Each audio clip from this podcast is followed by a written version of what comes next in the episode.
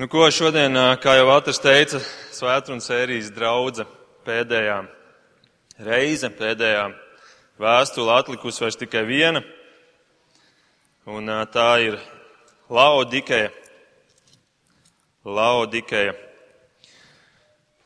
Un mēs kartē, kartē, kartē, ja būs, tad mēs redzam, ka tā ir šajā maršrutā pēdējā pilsēta. Bet es ticu, ka tas nav tikai geogrāfiski pēdējais punkts, bet Jēzus to ir arī atstājis kā tādu kulmināciju. Ja jūs atceraties Kalnu svētru, un tad um, arī tur Mateja 7 bija kulminācija, kur viņš, kur viņš beigās prasa izdarīt izvē, izvēli.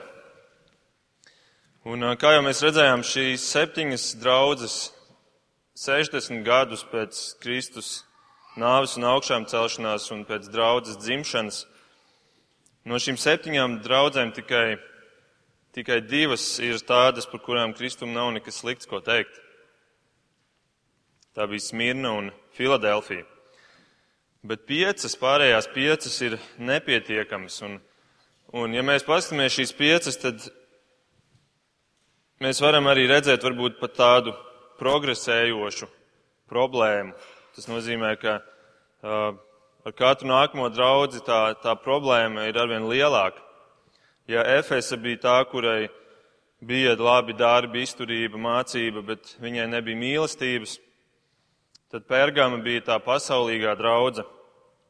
Tie tīri bija tā, kura jau ir paņēmusi, turās pie kāda grēka savā draudzē un nav gatava to laist vaļā. Un tad mēs nonācām pie sārdus draudzes, kura jau ir mirusi, mirusi draudze. Bet tagad mēs nonākam pie draudzes, kura, kura gan ir dzīva, bet ir remdena. Un kā mēs šodien mācīsimies, tad tas Dieva acīs ir vēl ļaunāk nekā būt mirušam, nekā būt augstam. Un, ja sārdus draudze bija tā, kur Kristus teica, ka viņš ir abēdināts par šo draudzi, tad šī draudze, šodienas draudze ir tā, kas liek Kristum vemt, kuru Kristus pļauj ārā, un mēs pēc tam redzēsim, ka tas vārds patiesībā nozīmē vemt. Labi, bet uh, apstīsimies tekstu šodienas. Mēs varam atšķirt atklāsmes grāmatu 3 un uh, 14. 14. pants. Un laudikais draudzes eņģelim raksti. Tā saka tas, kas ir āmen, uzticamais un patiesais liecinieks, Dieva radības pirmsākums. Es zinu tavus darbus, ka tu neesi ne augsts, ne karsts. Kaut tu būtu augsts vai karsts Un tādēļ, ka tu neesi ne karsts, ne augsts, bet esi remdens, es tevi izpļaušu no savas mutes. Jo tu saki, es esmu bagāts, un man bagātības pa pilnam, man netrūks ne, ne, nekā, bet tu nezini, ka esi nelaimīgs un nožēlojams, nabaks, akls un kails. Es tev dodu padomu, nopirkt no manis zeltu, kausētu ugunī, lai tu kļūtu bagāts, un baltas drēbes, lai tu to apvilktu un nebūtu redzams tava kailuma kauns, un dziedinoši ziedi, lai tu ieziestu savus acis un spētu redzēt. Kurus es mīlu, tos es norāju un pārmācu. Tad nu esi dedzīgs un atgriezies. Redzi, es stāvu pie durvīm un klauvēju. Ja kāds sadzirdēs manu balsi un durvis atvērs, Es ieiešu pie viņa un turēšu mīlestību ar viņu, un viņš ar mani. To, kas uzvarēs, es nosēdināšu savā tronī kopā ar mani, tāpat kā es esmu uzvarējis un apsēdies ar savu tēvu viņa tronī. Kam ausis, lai dzird, ko gars saka draudzēm. Debes Tēvs lūdzu svētī šodienas vārdu. Lūdzu, kungs, dod, lai mēs katrs varētu paņemt savu garīgo termometru un uh, ielikt to padusē un šodien, klausoties šo vārdu, arī pārbaudīt to, kāda ir mūsu temperatūra, kādi mēs esam un uh, kādi mēs esam tavās acīs. Un, kungs, kāda, kā, kāda būs tava reakcija pret mums? Lūdzu, kungs, dod, ka mēs to varētu pārbaudīt un lai tas mums būtu par par svētību. Lūdzu, lieto šo vārdu, kungs, to mēs Jēzus vārdā lūdzam. Āmen. Labi, kas bija Laudikē? Sāksim ar vēsturisko kontekstu. Laudikē bija pilsēta, kur uzcēla Sīrijas ķēniņš Antiohs II, un viņš nosauca šo pilsētu savas sievas Laudikas vārdā. Mēs zinām, ka apmēram 3. gadsimtā pirms Kristus šī pilsēta tika uzcelta, bet mēs droši zinām, ka viņa tika uzcelta vēlākais 253. gadā, jo tas bija gads, kad Antiohs šķīrās no savas sievas, un diez vai viņš būtu ielicis pilsētai vārdu pēc savas šķirtās sievas? Tā kā tas bija diezgan droši 253. gads pirms Kristus vēlākais, kad šī pilsēta tika uzcelta. Un tā atrodas 70 km uz dienvidiem no Filadelfijas, Līkus upes ielējā. Un tāpēc latīniski šo, ja, jā, latīniski šo pilsētu sauc Laudikeja ad likuma, Laudikeja pie Likas upes. Un šajā Likas upes ielējā bija trīs pilsētas. Tur bija Laudikeja, Herapole un Kolosa. Un visas šīs trīs pilsētas bija kā tādas māsu attiecībās. Viņas, bija, viņas tika bieži vien arī kā, kā visas trīs kopīgi pieminētas un uzskatītas kā tāda viena, viens kopīgs reģions. Un, Un kolosiešu vēstulē, kuru Pāvils raksta šai draudzē kolosā, 4. nodaļas 13. pantā, viņš raksta, es apliecinu, ka viņš ļoti norūpējies par jums un pārējiem, kas Laudikajā un Herapolē. Jā, tātad te, te mēs pat redzam, ka kolosas draudzes vēstulē ir pieminēts arī šīs abas pārējās pilsētas. Un ir svarīgi to paturēt prātā šodienas kontekstam, ka ir šīs trīs pilsētas. Nu, lūk, un šī likus upe tecēja cauri Herapolei un Kolosai, bet Laudikei viņa neticēja cauri, un tāpēc Laudikei bija atkarīga no ārējām, ārējas ūdens padevas. Un tas bija tas iemesls, kādēļ Laudikē tika uzcelts akvadukts. Ja?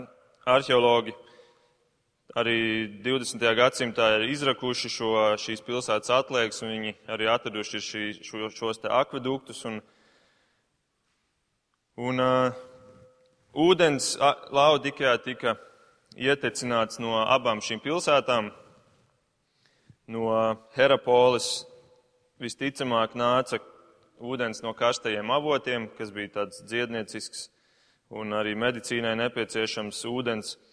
Savukārt no kolosas tika tecināts augstais dzidrais ūdens, kas bija dzēršanai domāts. Nu, lūk, bet tā problēma bija tā, ka kamēr abi šie ūdeņi atecēja pa savām trūbām, tikmēr viņi bija kļuvuši remdeni un netīri. Un arī tas ir svarīgi šodienas kontekstam. To ir svarīgi saprast un paturēt prātā. Un, un grieķu vēsturnieks un geogrāfs Strabo raksta, ka šis ūdens līdz laudikai atticējis bija duļķains, bet tomēr viņš bija dzerams. Viņam nebija īsti citu variantu.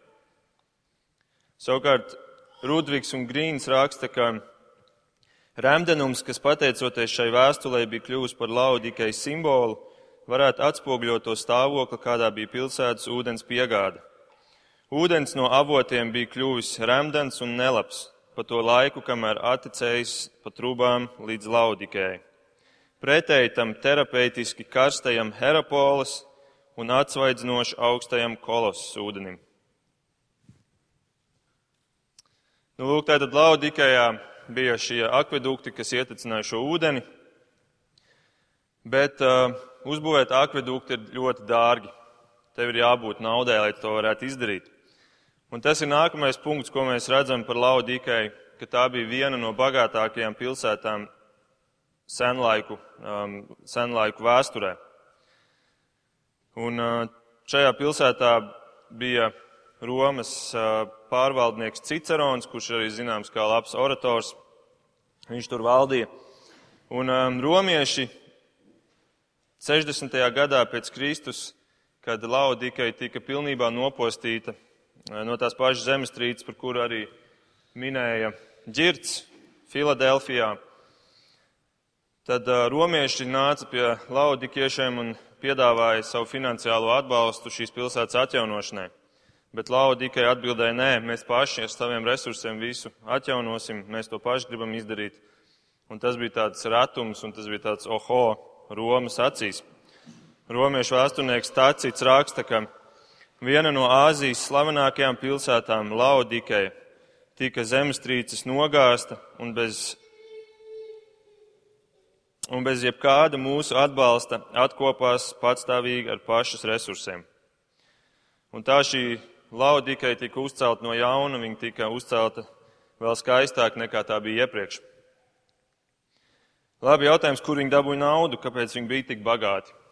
Un te mēs redzam trīs pazīmes, kas bija, ko vēsturnieki arī šodien apraksta par šo Laudikai. Proti, pirmkārt, viņi bija finanšu centrs, viņi bija slaveni ar saviem naudas pārvedumiem, un viņi bija um, ļoti bagāta pilsēta. Otrakārt, viņai bija slavena tekstīla industrija. Viņai bija melnā vilna, kas bija zināms, kad, kad, kad šī melnā vilna ir viena no laudikejas zīmēm. Un uh, viņi caur šo arī melno, melnās vilnas tirzniecību, kas bija īpaši mīksta un kvalitatīva, um, guva, jā, guva daudz ieņēmumu un arī tādā veidā kļuva finansiāli spēcīga. Un trešais bija, ka Laudikijā bija medicīnas skola, kurā, kurā strādāja viens slavens oftalmologs, jeb acu ārsts, un, un arī šī nozara bija tā, par kuru Laudikais vārds izskanēja pasaulē, ka, ka laudikieši, viņi, ja tev ir problēmas ar acīm, tad tu vari braukt pie viņiem, un viņi ar to tiks galā. Un, Un šī laudikai bija arī Firģijā, Firģijas, um, uh, Firģijas uh, teritorijā, un no Firģijas nāca tāds slavens Firģijas pulvers, kas bija tāda acu ziede. Un tas viss bija saistīts arī šajā laudikais um, pilsētā, un tur to visu varēja dabūt. Un tas bija tas arī, par ko laudikieši bija lepni, ka mums ir šīs, mēs esam bagāti, mēs esam, mums ir šī melnā vilna, un mēs esam arī um, jā, acu medicīnā priekšā visiem pārējiem. Nu, lūk, un šajā pilsētā piedzimst draudze. Kā viņi piedzimst, to mēs nezinām. Mēs varam teikt diezgan droši, ka Pāvils nebija tas, kurš nāca šeit un sludināja, bet Pāvils atsaucās uz epafru, kad viņš raksta kolosas draudzē, kolosiešiem 1.7. Viņš saka, ka Epafrs, bija tas, kurš nāca un jums atnes šo vēsti, un tā kā, Epaf, tā kā kolosi bija turpat blakus Laudikējai, tad ir tiek pieņemts, ka šis pats Epafrs bija arī tas, kurš Laudikējai atnesa Dievu vārdu. Nu, lūk, un tad šo visu kontekstu paturot prātā, mēs varam atgriezties pie mūsu šodienas teksta un apskatīties, sāksim ar 14. pantu. Un tur mēs redzam, ka Jēzus saka, es esmu āmen. Un tas ir noteikti labs noslēgums šī, šai sērijai, ka pēdējai draudzē viņš pasaka arī āmen. Es esmu āmen. Un vecajā derībā Dievs teica, ka viņš ir āmen. Bet tad Jēzus vēl saka, ka viņš ir patiesamais un uzticamais liecinieks, un ka viņš ir Dieva radības pirmsākums, un arī tam ir nozīme. Jo kolosiešu draudzē bija ieviesusies maldu mācība. Maldu mācība, kas uzskatīja, ka Kristus nav pats nācis kā jau Dievs, kurš ir iepriekš radījis, jeb kurš ir radītājs, bet ka Kristus pats ir radīts. Kristus ir cilvēks, kurš ir ticis radīts. Un, un iespējams tāpēc arī Jēzus šeit uzsver šo, ka es esmu radības pirmsākums. Kolosiešu vēstulē pirmajā nodaļā, 15. pantā. Pāvils arī uzsver kolosiešiem, ka viņš, Kristus, ir neredzamā Dieva attēls, visas radības pirmdzimtais. Jo caur viņu ir viss, kas radīts, gan debesis, gan virs, gan virs zemes, redzamais un neredzamais. Un tā tālāk. Tā, kā, tā bija problēma kolosā, un šī pati problēma visticamāk arī bija Laudikajā, un tāpēc Kristus nāk un šo uzsver. Tad 15. un 16. pantā Kristus saka, es zinu tavus darbus, ka tu neesi ne augsts, ne karsts, kaut tu būtu augsts vai karsts. Un tādēļ, ka tu neesi ne karsts, ne augsts, bet esi remdens, es izpļaušu tevi no savas mutes. Ja jūs sakat, es zinu tavus darbus, un ja jūs atceraties visās iepriekšējās rakstviet, visās iepriekšējās vēstulēs, viņš pasaka kaut ko pozitīvu par draudzi. Viņš pasaka, es zinu tavus darbus, es zinu, ka tu esi izturējis um, vajāšanas, ka tev ir stipra mācība, ka tu esi uh, uzticams un tā tālāk. Bet šeit šī ir vienīgā draudze, par kuru Kristum nekas labs nav sakāms. Viņš uzreiz pasaka, ka tev ir problēma, ka tu neesi ne augsts, ne karsts. Nekas labs viņam nav sakāms, un te mēs varam jau just bišķiņ to kulminācijas smaržu, ka šeit mēs nonākam pie draudzes, kurai ir tikai negatīvā. Par sārdiem bija vismaz kaut kas labs sakāms. Sārdiem bija arī vismaz kaut kāda daļa vēl cilvēki, kuri bija patiesi, bet šeit pat šādi netiek pieminēti. Un tad, ja es saku, es zinu tavus darbus, un te mēs redzam, kā Kristus uzsver atkal to, ka caur darbiem tu redzi, kāds tu esi. Tie darbi ir tie, kas liecina, kāda ir tavs sirds. Un, un Kalns vētrunā viņš to atkal un atkal teica, un, un arī Kalns vētrunas noslēgumā, ka no augļiem būs pazīti tos, kuri ir nepatiesi. Ko tu dari, tas, kas tu esi. Nu, lūk, un uh, Laudikeja bija tāda, kura lika darīt kristumu ko? Te ir teikts izpļaut. Izpļaut sevi no Kristus mutes. Bet tas vārds izpļaut ir vārds emeo grieķu valodā, un tam vārdam ir tikai viena nozīme, un tā nozīme ir vemt. Vemt. Un, protams, mēs varam atkal pateikt, ka jā, kristīgais gars ir mēģinājis šo domu izteikt tā miermīlīgāk un tā, tā varbūt tā noklusinātāk, bet tā īstā nozīme ir, ka Kristum ir jāvemj. Kristum ir jāvemj. Un ir atšķirība, vai tu izpļauj, vai tu vem, vai ne? Tu vem parasti tad, kad tev ir slikti paliek, ka tev ka tu pat negribētu to darīt, bet tev tas ir jādara. Un tad jautājums ir, kādēļ Kristum bija jāvem? Kādēļ, kādēļ te notiek tik traka lieta, ka Kristum ir sava draudze? Ka šī draudze liek viņam um, sajust nelabumu. Un tā atbilde ir tādēļ, ka viņa ir remdena. Tādēļ, ka viņa ir remdena. Tas ir tas iemesls. Un tāpat kā šajos akveduktos, pa kuriem tecēja šis ūdens uz, uz laudikai, un kamēr viņš bija attecējis, tikmēr tas augstais ūdens bija kļuvis remdens saules karstumā. Un tāpat šis karstais ūdens bija atdzisis, un abi šie ūdeņi no tām trūbu nogulsnēm bija kļuvuši duļķaini. Tāpat arī šeit mēs redzam šo, šo salīdzinājumu, ka šī draudze ir kļuvusi par kaut ko tādu, ko Kristus nevar lietot. Viņa nav derīga. Un šeit nav doma, ka karstais ūdens ir labs un abi pārējie ir slikti. Šeit doma ir pat augstais ūdens ir labs. Pat augstais ūdens ir labs. Labi, bet ko tas nozīmē garīgi? Ko nozīmē garīgi remdens? Un te mēs redzam, ka Jēzus saka, ka Es izpļaušu tevi tādēļ, ka tu esi remdens, nevis augsts un karsts. Un mēs varētu teikt, jā, labi, es saprotu, ka karstam būt, tas ir tas, ko Kristus grib. Bet viņš šeit pasaka, ka arī augstam būt savā ziņā ir ok. Ka viņš izpļaus viņus tādēļ, ka viņi ir remdeni. Un padomājiet par to. Tad nav runa par to, ka Kristus uzsver tikai karstumu, ka tas ir tas vienīgais. Viņš uzsver, ka remdenais ir tas vienīgais, kas viņus kas, kas viņam nav pieņemams. Mums uzskats ir, ka karstais un rāmdenais ir ok, ir karstie kristieši, ir tie dedzīgie kristieši, un tad ir tie rāmdenie kristieši, kuri ir kristieši, bet viņi, nu, viņiem vienkārši nav laika būt, būt dedzīgiem kristiešiem. Nav laika vai nav iespēju. Bet te mēs redzam, ka Kristus saka nē, ka tieši rāmdenie ir tie, kuri nav ok.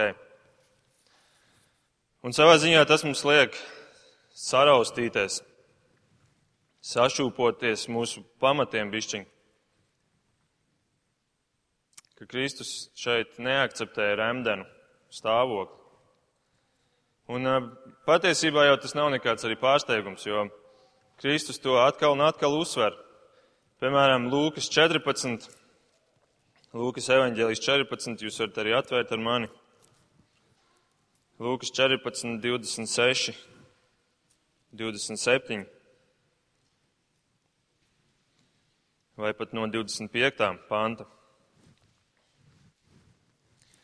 Lieli ļaužu pūļi viņam sekoja, un pagriezies pret tiem viņš sacīja: Ja kāds nāk pie manis un neienīst savu tēvu un māti, sievu un bērnus, brāļus un māsas, un vēl arī pats savu dzīvību, tas nevar būt mans māceklis un kas nenes savu krustu un neseko man, tas nevar būt mans māceklis. 33. pantā. Tāpat neviens no jums, kas neatteiksies no visa, kas tam pieder, nevar būt mans māceklis. Šie panti neizklausās pēc remdenības, ne? Šeit ir tāds galējs stāvoklis, tāda galēja apņemšanās, galēja mīlestība. Tepat ir pieminēts vārds viss, kas neatsakās no visa. Un tā vēsts šeit ir, ka Jēzus nesaka, es neiesaku jums nebūt remdeniem, bet viņš saka, ja jūs būsiet remdeni, es izpļaušu jūs no savas mutes. Un ja jūs šodienas svētdienā tikai vienu domu atcerēsieties, tad atcerieties šo, ka nav tādu remdenu kristiešu. Nav tādu remdenu kristiešu. Mums gribās ticēt, ka ir mūsu sajūta un tas, ko mēs redzam pasaulē, tas mums viss grib teikt, ka tādi ir, bet Kristus saka, ka nav tāda remdena kristiešu. Kāds ir nosaucis viņus par gandrīz kristiešiem? Tie ir tie gandrīz kristieši. Labi, bet tu varbūt saki, kā nav, bet es, es reku, es šeit esmu, es esmu viens no šiem remdeniem kristiešiem.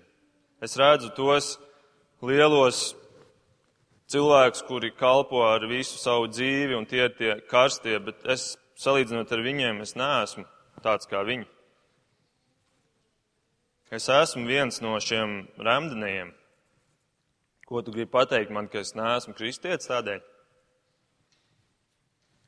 Pirmkārt, es gribu pateikt, ka, ja tu esi stāvoklī, kurā tu pats atzīsti, ka es esmu remdens, tad izdari izvēli šodien. Izdari izvēli būt karstam vai būt augstam. Kristum labāk patiks, ja tu būsi augsts, nekā ja tu būsi remdens. Bet otrkārt vēlos arī pateikt, ka te nav runas par perfekcionismu. Te nav runas par to, ka mums visiem ir jābūt, jābūt um, kā Jāņiem kristītājiem vai kādiem citiem pilna laika kalpotājiem. Bet svarīgs ir virziens, svarīgs ir tas, cik augstā pozīcijā ir Kristus tavā dzīvē. Mums katram ir unikāls dzīves ar unikāliem situācijām un apstākļiem, ar cilvēkiem apkārt. Cik augstu Kristus ir tavā dzīvē?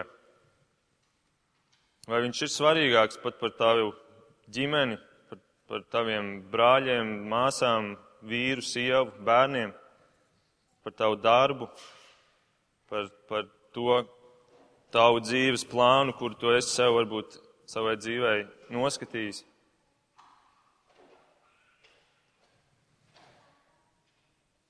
Un, jā, rēmdenums Kristum nepatīk. Rēmdenums Kristum nepatīk, un Laudīkai bija pilna ar šiem rēmdenajiem nekristiešiem.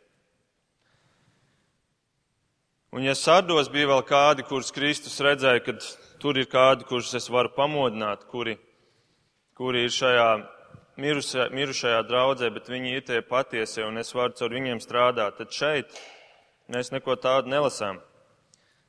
Mēs šeit lasām 17. pantu,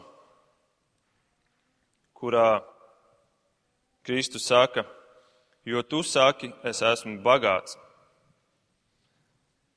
Un atcerieties no Kalnu svētrunas beigām, kulminācijas, ka tur arī bija cilvēki, par kuriem Kristus teica, jūs sakāt. Daudzi nāks un teiks, teiks, ka mēs taču tavā vārdā esam visu kaut ko darījuši. Un ko Jēzus saka viņiem? Kāda ir atbilde? Viņš saka, ejiet prom no manis, es jūs nepazīstu. Šeit viņš saka, es jūs izvemšu, es jūs izspļaušu. Un tāpat kā tajā kalnu svētdienā, tāpat arī šeit mēs redzam, tie nav kristieši. Viņi izskatās pēc kristiešiem, bet viņi nav. Viņi nav pieņemami kristumi. Bet tad jautājums ir, kādēļ kristum ir tāds riebums pret remdenību? Kādēļ? Un to mēs redzam turpinājumā. Mēs redzam, ka šie, šī draudze saka, es esmu bagāts. Un man bagātības pa pilnam, man netrūks nekā. Un no vienas puses tā, protams, bija tā, tā fiziskā bagātība, par kuru es stāstīju, bet no otras puses tā noteikti arī ir garīgā bagātība. Tas ir tas stāvoklis, kurā viņi stāv un, un jūtās, ka mums, ar mums ir viss kārtībā. Un tas izklausās pēc tā, ko mēs arī Kalnu svētdienā runājām. Atcerieties, pats sākums. Kristus saka, laimīgi garā nabagie. Laimīgi garā nabagie. Ar, ar garā nabadzību sākās tas ceļš pie, pie Kristus, pie, patiesās, pie patiesā karstuma.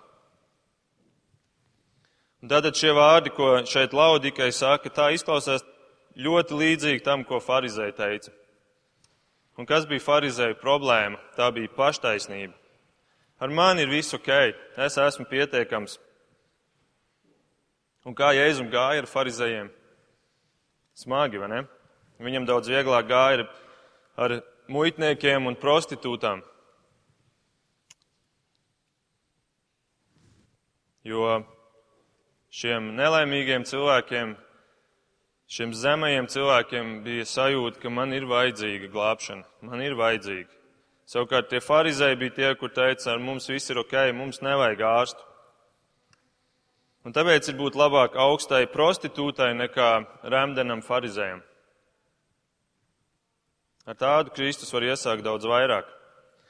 Bet Laudīkai saka, es esmu bagāts. Un ja es saku, nē, tu neesi bagāts, tu esi nabaks, akls un kails.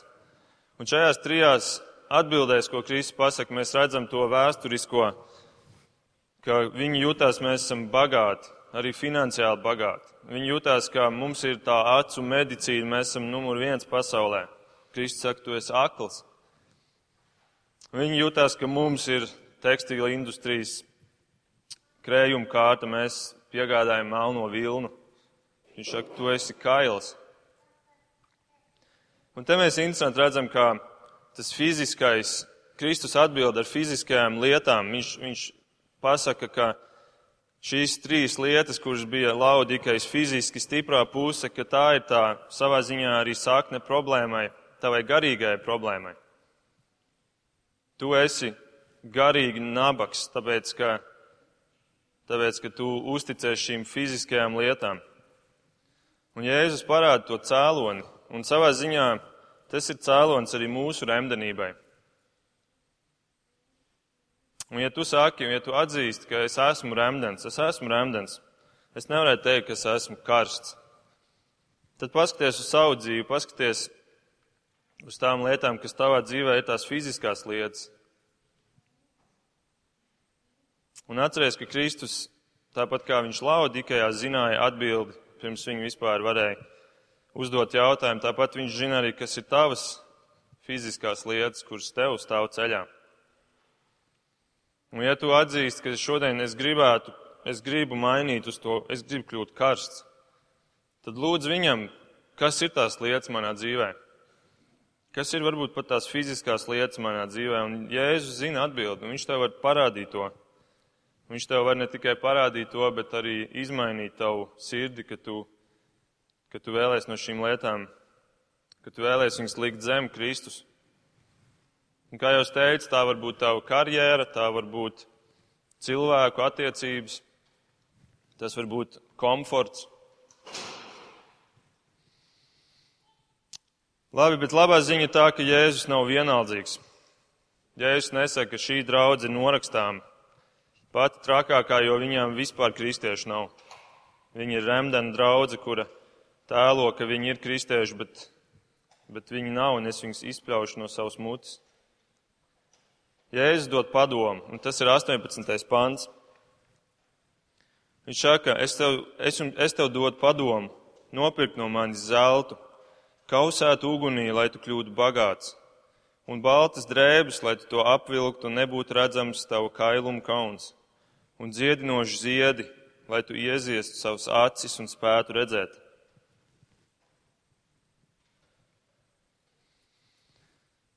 Redzēt, un te ir, es atkal atsaucās uz tām trīs lietām, viņš saka, tu domā, ka tev ir bagātība. Es tev došu patieso bagātību, pēc no manis. Tu domā, ka tev ir melnā, melnā vilna, un tu, tas ir tavs, tavs lepnums. Pēc no manas baltas drēbes, lai nebūtu redzams tavu kailumu kauns. Un tu domā, ka tev ir šī pašam šī dziedinošā zieda acīm. Nē, es tev došu to patieso, ņem un pēc no manis. Un tad ir jautājums, ir, bet, ko nozīmē pirkt? Vai tas nozīmē, ka es tagad varu nopirkt savu glābšanu? Ja es, saka, ja es nesaku, ņem no manis, ņem par brīvu, viņš saka, pēc no manis. Pēc no manis. Un atbildi ir jā, ka no Kristus mums ir jāpērk, bet ir tikai viens veids, ko mēs viņam varam dot. Ir tikai viena lieta, kas ir, kas ir pietiekama maksa, lai mēs varētu no viņa to dabūt. Un tas ir mūsu nožēlojamais stāvoklis. Tā ir tā atziņa, ka es esmu nožēlojams Dievu priekšā. Varbūt pat tas tā atziņa, ka es esmu remdens. Man ir daudz lietas svarīgākas dzīvē nekā, nekā Kristus. Un tiem cilvēkiem, kuriem ir šī lieta, kurā, kuri var dot šo savu nožēlojamo stāvokli, Tie tie vienīgie, kuri šo stāvokli spēj nomainīt un pārveidot vērtīgā valūtā. Tādā valūtā, kāda ir tikai šiem cilvēkiem, kur atzīst, un tie spēj pirkt no Kristus.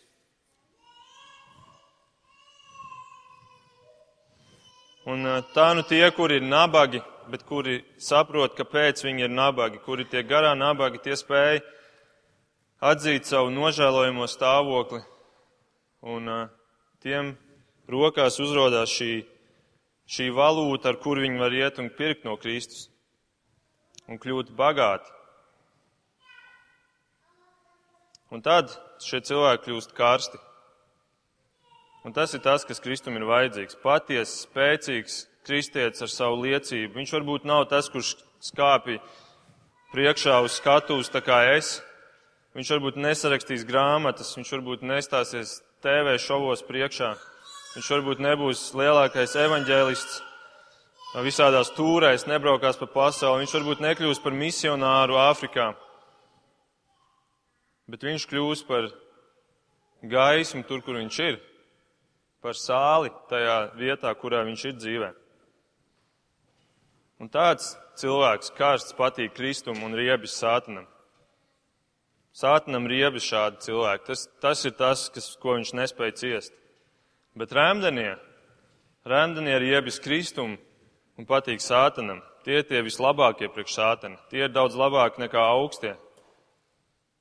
Atcerieties, es sārdas draudz beigās minēju to, ka Kristus negrib, ka jūs esat beigti, ka jūs esat augsti. Ne jau Kristus atvainojas, sātans negrib, ka jūs esat miruši un augsti un ka jūs, jūsu nav. Viņš grib, ka jūs esat remdeni. Tas ir tas labākais ierocis viņa rokās. Čārlis Pērģens ir teicis, man liekas, vēlnam nerūp, cik baznīcu tu uzcēl, ja vien tev ir remdeni sludinātāji un cilvēki tajās. Spērģens, kurš pats ir dibinājis vairāk kā 200 draudzes. Un kādēļ sātanam nerūp, jeb kādēļ viņam tas ir, tas ir ok, ka tu cel tādas baznīcas un cilvēki, kuri ir remdeni, tādēļ, ka šie nav kristieši, bet viņi izskatās pēc kristiešiem. Un tas ir tas labākais, kas var notikt, jo priekš sātana, jo, jo, jo, jo šādus cilvēkus redz citi, un tas ir viņiem, tas viņiem ir mierinājums, tas viņiem ir attaisnojums savai dzīvei. Tas viņiem ir labākais uh, mierinājums nekā tie, kuri nāk un sludina to, ko Kristus šeit ir sarakstījis. Un Kristus vienā vietā saka, akls ved aklo, bet vai abi neiekrīt bedrē? Un tā ir ar šiem remdenējiem, kuri ar savu piemēru ved citus remdenos, bet viņi patiesībā visi ir akli un viņi visi kādu dienu iekritīs bedrē. Tādēļ Jēzus 19. pantā saka, ka kļūsti dedzīgs un atgriezies. Nopērc to patieso acu ziedu no manis un kļūsti redzīgs, un tad esi dedzīgs. Esi redzīgs un esi dedzīgs.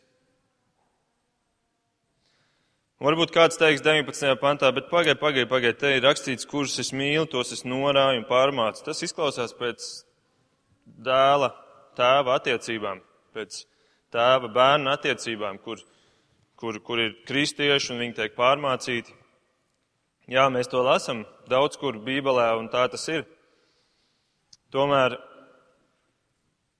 šeit mēs redzam, ka šeit ir uh, Kristus runā par, par cilvēkiem kā tādiem.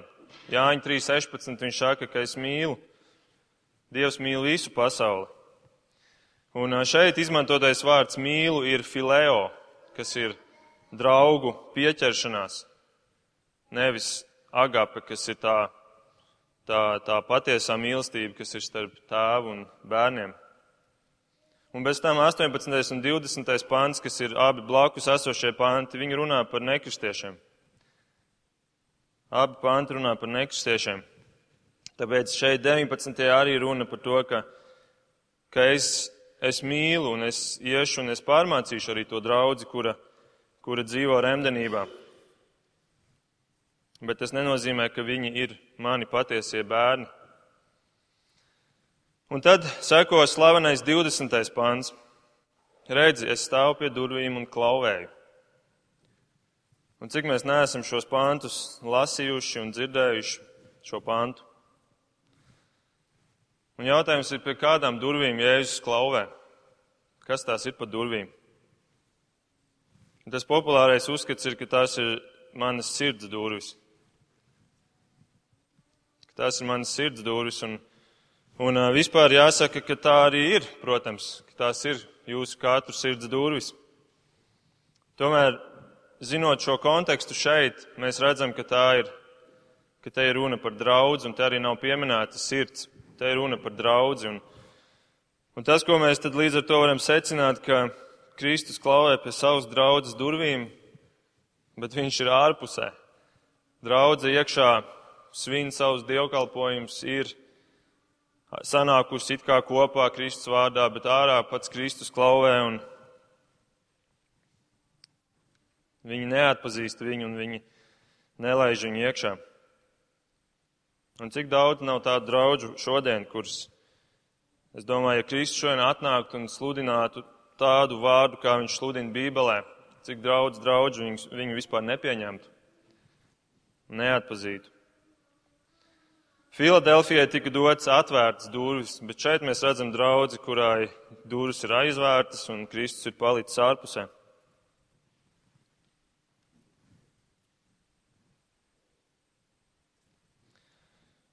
Un iespējams, ka Laudikais draudz arī saņemot šo vēstuli, varbūt viņas reakcija bija vienkārši izsmiekls par to, ka Jānis, Jānis kaut kādas šitādas lietas raksta par mums. Mēs esam kristīgi draudze, mums ir taču Kristus. Ko tas nozīmē, Kristus mums stāv aiz durvīm?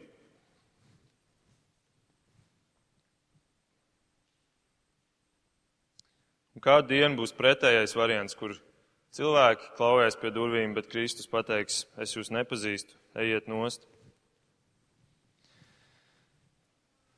Bet tie, kur tomēr atver, un Kristus arī šādas draudzes spēja pamodināt, Kristus arī šodien raksta vēstuli un caur šo vēstuli klauvē pie durvīm. Tie, kur tomēr atver pie tiem, nāks Kristus un turēs mīlestību. Un šeit tas vārds, kas ir izmantots mīlestam, ir deipna. Tas ir vakariņas. Un grieķu uh, laikos, Grieķijas, uh, grieķu tradīcija bija tāda, ka brokastīs bija vienkārši maize, ko tu iemērci vīnā. Tas bija tavs minimalist, minimalistiskās brokastis, un pēc tam pusdienas tu ēdi kaut kur kā pikniku savā darba vietā, ārpus mājas. Bet tad vakariņas bija tās, kurās visi sanāca kopā pēc darbiem un lēnā garā ēda, un viņiem bija attiecības, un viņi veltīja laiku viens otram. Un šīs ir tās vakariņas, kuras mēs ēdīsim ar Kristu, ja mēs būsim karsti, ja mēs būsim patiesi. Un tas, kas uzvar, un tie, kas uzvar, ir kristieši, tie ir tie ticīgie. Tos es nosēdināšu savā tronī kopā ar mani tāpat kā es esmu uzvarējis un apsēdies ar savu tēvu viņa tronī. Un debesīs mēs nestaigāsim vienkārši apkārt visu dienu, bet mums pat būs tronis. Un ne tikai kaut kāds tronis, bet Kristus mums dos vietu savu troni. Kas tas ir pa paaugstinājumu, kur Kristus mums vēlās dot? Nu ko, ar to arī šī svētdienas sērija noslēgusies. Ir bijušas septiņas vēstules. Un es jums vēlos iedot mājās kādu mājas darbu. Mums vienkārši laika trūkuma dēļ nebūtu iespējams to izdarīt šeit svētunā, tāpēc paņemiet, iziet vēlreiz cauri visām septiņām vēstulēm un izrakstiet ārā visus pret, visu, ko Kristus saka, kā, kā pārmetumu draudzēji. Un tad atsevišķā kolonā izrakstiet visus par. Un tad apskatieties, kāda ir mūsu dzīve, salīdzinot ar šiem konkrētajiem standartiem, kurus Kristus min, un kāda ir arī mūsu draudza. Un tad trešajā kolonā izrakstiet visas algas ārā, kuras viņš šeit sola tiem, kas uzvar. Un lai tas mums ir par iedrošinājumu, un tas ir tas, ko Kristus kādā veidā viņš ir mēģinājis iedrošināt savu draudzi. Lūksim!